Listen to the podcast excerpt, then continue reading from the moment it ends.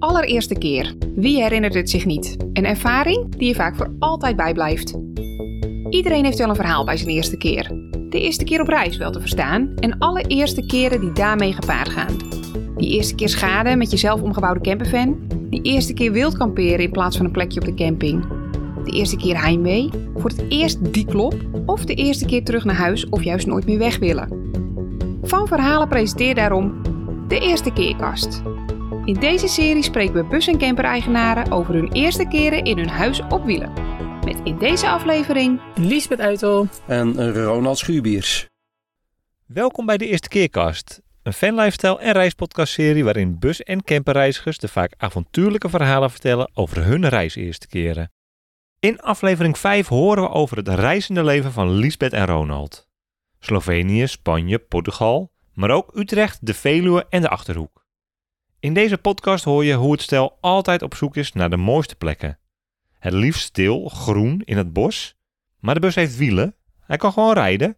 Dus gemaakt om steeds mooie nieuwe streken en interessante plaatsen en landen te ontdekken. Dat niet alle eerste keer ervaringen even leuk zijn, vertelt Liesbeth als het over haar eerste keer reismoe heeft. Dat moment waar elke bus- of camperreiziger wel een keer tegenaan loopt. Dat je eigenlijk even geen zin meer hebt in fanlife. Dat je, ondanks de waanzinnige mooie plekken waar je komt, even niet wil kijken waar je heen wil. Dat je weet dat je een prachtig vrij en avontuurlijk leven leidt, maar even niet meer wil speuren naar routes en slaapplekken.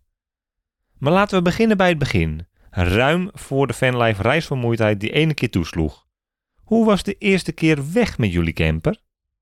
Wauw, de eerste keer met de camper weg. Dan moet ik echt heel erg teruggraven. Ja, dan moeten we even terugkijken. Volgens mij hebben we foto's gevonden. En eh, is de eerste keer ergens in de omgeving van Utrecht geweest. Ja, en waarschijnlijk was dat het NK Functional Fitness. Eh, en toen hebben, zijn we daar gewoon gebleven. Toen dachten we, oh, dat is eigenlijk wel handig, want toen hoeven we geen... eh, sowieso was natuurlijk gelijk de camper hartstikke handig, want we konden daar blijven slapen zonder hotel of iets dergelijks te boeken. Ja, klopt. Was niet een hele fancy plek. Hè, want het, het, Nee. de, de CrossFit box waar dat dan was, was volgens mij op een eh, industrieterrein. Dus we hebben hem daar eh, gewoon aan de zijkant eigenlijk neergezet, als ik me goed herinner. We hebben ergens in de loop van, van de namiddag of zo een keer gevraagd of we stroom konden gebruiken. Want. Toen hadden we de zonnepanelen nog niet. Nee, nee, klopt. En toen hebben we hem aangesloten op de, eh, op de stroom, puur voor onze, ja, ik denk voor de eigen koelkast en, en, Ja. en, en stroom te hebben. Eh, volgens mij hebben we daar niet zo heel veel aan voorbereid. Dat wil zeggen, we hebben de camper opgehaald. Nou, was voor 80% af. lag helemaal vol met, met materiaal en overblijfselen van het klussen. Ja. En ik denk voor dat weekend, ja, twee stoelen en een tafel of zo, weet je wel, erin. En, meer nog niet. Nee, precies. En vond jij het gek? Want ik kon er sowieso niet mee rijden. Vond jij het, voor jou was het ook een makkie, hè? Je kan me niet herinneren dat jij het spannend vond om ermee te rijden. Het was even geleden, maar ik, ik had daarvoor twee jaar met een vrachtwagen gereden en een aanhanger. Ja, weet je, dan, dan is dit weer een kleintje. Nee, het rijden aan zich eh, gaf geen problemen en, eh, en ging prima. eerste keer slapen in je bus of camper? Eh, onze eerste keer slapen in de camper, dat was eh, dus ook eh, op het NK Functional Fitness. Eh, we hebben een vast bed eh, in de camper, dus die, eh, we hoefden geen gekkigheid uit te halen. En ja, ik moet eerlijk zeggen, dat volgens mij vanaf de eerste dag eh, zei ik al van, jemig, wat slaap ik lekker man in dat ding. Heb je het koud gehad? Vond je het krap? Lag je te dicht bij me? Nee, nee, geen, eh, geen van allen. Ja, ik denk, eh, ik kan ook zeggen wat jij zegt. eh, ik denk dat we, maar dat was misschien niet direct na de eerste keer, maar wel na, daarna een weekendje weg of zo. Dat we thuis in bed lagen en zeiden, oh, wat slaapt die camper lekker zeg. Eerste keer wild kamperen? Eh, nou, dat was, eh, bij een, eh, was op de Veluwe. Toen reden we eigenlijk een bospad in. En toen ontdekten we een, ja, wat ons betreft, verlaten tennispark. Dat had ook te maken natuurlijk met corona, want dat was denk ik wel een beetje verlaten. Maar dat was eigenlijk echt een hele mooie plek onder de bomen. En toen kwam er volgens mij, toen kreeg ik het nog wel Spaans benauwd, want toen kwam er een bewoner. Dus ik vond het nog wel spannend dat we daar wild stonden. kwam er een bewoner naar ons toe, ons toe lopen. Toen zei ik, ja, ga jij maar hoor, Ronald. En toen, Nee, ja, eh, helemaal niks. Die man die, Die was eh, hartstikke die, aardig. die was hartstikke aardig. was een oudere man en eh, die zei ook van, nou, oh, mooie camper en blijven jullie hier slapen? Ja, ja, ik zei, ja, nou, we kijken nog. Misschien dat we doorrijden. Ik denk, laat ik het in het midden laten. En die zei van, nou joh, groot gelijk. Hè? Ja, klopt. Zoiets zei hij. Ja, dat was een En, reactie die ik ehm, niet had verwacht, maar... Dus ja, dat, dat was eigenlijk de eerste keer. En, en inderdaad, eh, spannend in meer in de zin van een auto die dan stopt. Dat je je dan afvraagt of het politie is of, of eh, een bewoner of wat dan ook die ergens iets van vindt. Ja, maar achteraf, daarna hebben we het, eh, zeker tijdens onze lange reis nu, ja, hebben we het zo vaak gedaan dat, we er, ja, dat ik er in ieder geval niet meer mee bezig ben. Eerste keer nooit meer weg willen? Eh, nou, dat zijn er echt heel veel. maar dat is niet eerlijk, want er is maar één eerste. Maar dat moet ik eerlijk zeggen, dat kan ik me niet zo goed herinneren. Er zijn zo verschrikkelijk veel plekken waarvan ik dacht, oh wauw, dat is midden in het bos geweest. Eh, as we speak staan we in Slovenië. Nou, hier zou ik ook dood kunnen gaan. Zo verschrikkelijk mooi. In Spanje hebben we waanzinnige plekken gezien. In Portugal. eh, maar ook gewoon in Nederland inderdaad. Weet je nog, bij die ene camping. Dat was volgens mij in de Achterhoek. Kan jij dat nog herinneren? Dat je echt dacht, wauw, dit hier wil ik zijn. Nee, nee, niet echt. Wat je zegt, dus we hebben zoveel ontzettend mooie plekken gezien in Spanje en in Portugal. Ik heb niet het gevoel dat ik hem ergens zou willen neerzetten en daar zou willen blijven wonen, denk ik. Nee, Om- dat is ook... omdat omdat ja. we er ook wel achter hebben. Ja, het ding hebben wielen, dus eh, hij kan gewoon rijden. Anders hadden we wel een caravan genomen of, of weet ik veel wat. Een, Staakcaravan, een staakcaravan genomen. Dus het idee om ergens te blijven niet. Maar wel voor een langere periode. Daar zou ik me dan wel Wel, iets voor ja, kunnen wel een langere periode, maar wel streken of landen. Ja. Hè, wat je nu ook terecht zegt, we zitten in Slovenië. Ja, dat is hier zo mooi. En dan het mooie, waar we denk ik beide wel verliefd op worden, is dan toch wel een stukje stilte eigenlijk. Ja, klopt. Ja. We zitten nu, Ja. nu, nu ook in Slovenië ergens tussen om je heen is echt alleen maar bos, alleen maar groen. Zover al als we kunnen Ja. kijken. En, en ja, waarvoor Ja, zou je hier weg het, willen het bijna? kan hier zo stil zijn. Ja. Ja, dat het enige wat je hoort is nog je eigen ademhaling. En dat is eh, op sommige momenten best eh, bijzonder en heel mooi, zeg maar. Absoluut. Eerste keer een souvenir in je camper opgehangen of neergezet? Ik denk dat we daar eh, een beetje traag in zijn geweest. Want dat is eigenlijk pas na onze, of tijdens onze lange reis eh, begonnen. Eh, ben ik stevast begonnen met ieder strand wat we zagen eh, een schelp mee te nemen. Toen kwam jij na een maand met het briljante idee om ze een nummer te geven of een locatie erin te schrijven. Maar goed, toen was het al te laat. Ja, nu herkennen we ze al niet meer. En jij hebt een heel tof ding eh, uit Tarifa meegenomen. Nou ja, tof ding. Het is ja. niks bijzonders. Het is gewoon een, eh, een, een klein boeitje eigenlijk. Wat volgens mij normaal aan het zwembad ligt. eh, eh, als je de lijnen hebt. Deze is dan geel. Zo'n Ja. ding wat, van de schuim. Dat lag op Tarifa in het strand. En die, die heb ik meegenomen. En onze namen en wel een datum opgeschreven van eh, het moment dat we daar reisden. En daarnaast, ja, wat je zegt, is het bij eh, wat schelpen gebleven die we op het strand hebben opgeraapt en mooi zijn. eh, Ja, je bent dus- nog een keer wezen strandjutten met je hebt een paar Ja. mooie vissersbakken en eh 80 Touw. meter touw of zo. Ja, ja, dat soort dingen die kom je dan tegen. Eigenlijk altijd wel op het strand. Hè? Dat we iets, iets meenemen wat, ja, wat dan wel of niet een vaste plek krijgt in de camper. Ja, nou, maar Dus, jij zegt eh, alleen op het strand. Ik bedoel, Woody en jij zijn ook wel fervent stokkenverzamelaars. Ja, ja, precies. Op iedere locatie maak ik altijd, eh, pak ik wel een stok en eh, maak ik er een soort wandelstok van. Eerste keer niet blij met je slaapplek? Eh, nou, ik denk dat we wat dat betreft ehm, ja, geluk hebben gehad. Want er zijn weinig plekken tegengekomen of er zijn weinig plekken blijven staan. Dat is het denk ik meer, hè, waarvan we uiteindelijk zeiden, oh, daar waren we niet blij mee. Ik kan me herinneren dat we in Spanje zijn we één keer weggestuurd. Dat was echt wel een fancy locatie, dus daar baalde ik wel van.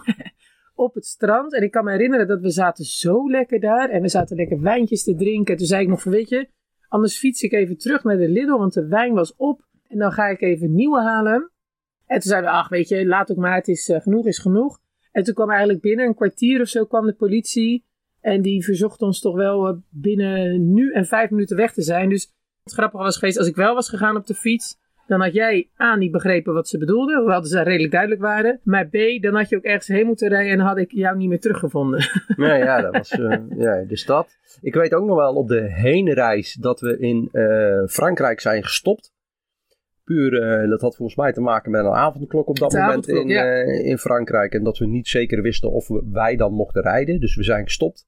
Het was op een parkeerplaats. We hebben daar gekookt, wat gegeten. Eh, en ergens halverwege in die nacht werd ik wakker. En ik denk, jezus joh, wat een, wat een lawaai, wat een herrie. En toen eh, bleken er naast ons twee eh, vrachtwagens gestopt te zijn als in een veetransport. ja, met, met koeien in de bak die redelijk onrustig waren, heen en weer liepen, stampten, omvielen. Heel zielig, ja. Ja, dat heeft me toen wel ja, Ja, wakker gehouden. wakker gehouden. Ik denk van, van twee tot zes. En Ja. ergens in de ochtend opgestaan en weer doorgereden. Dus dat was wel een plek waar we niet blij waren.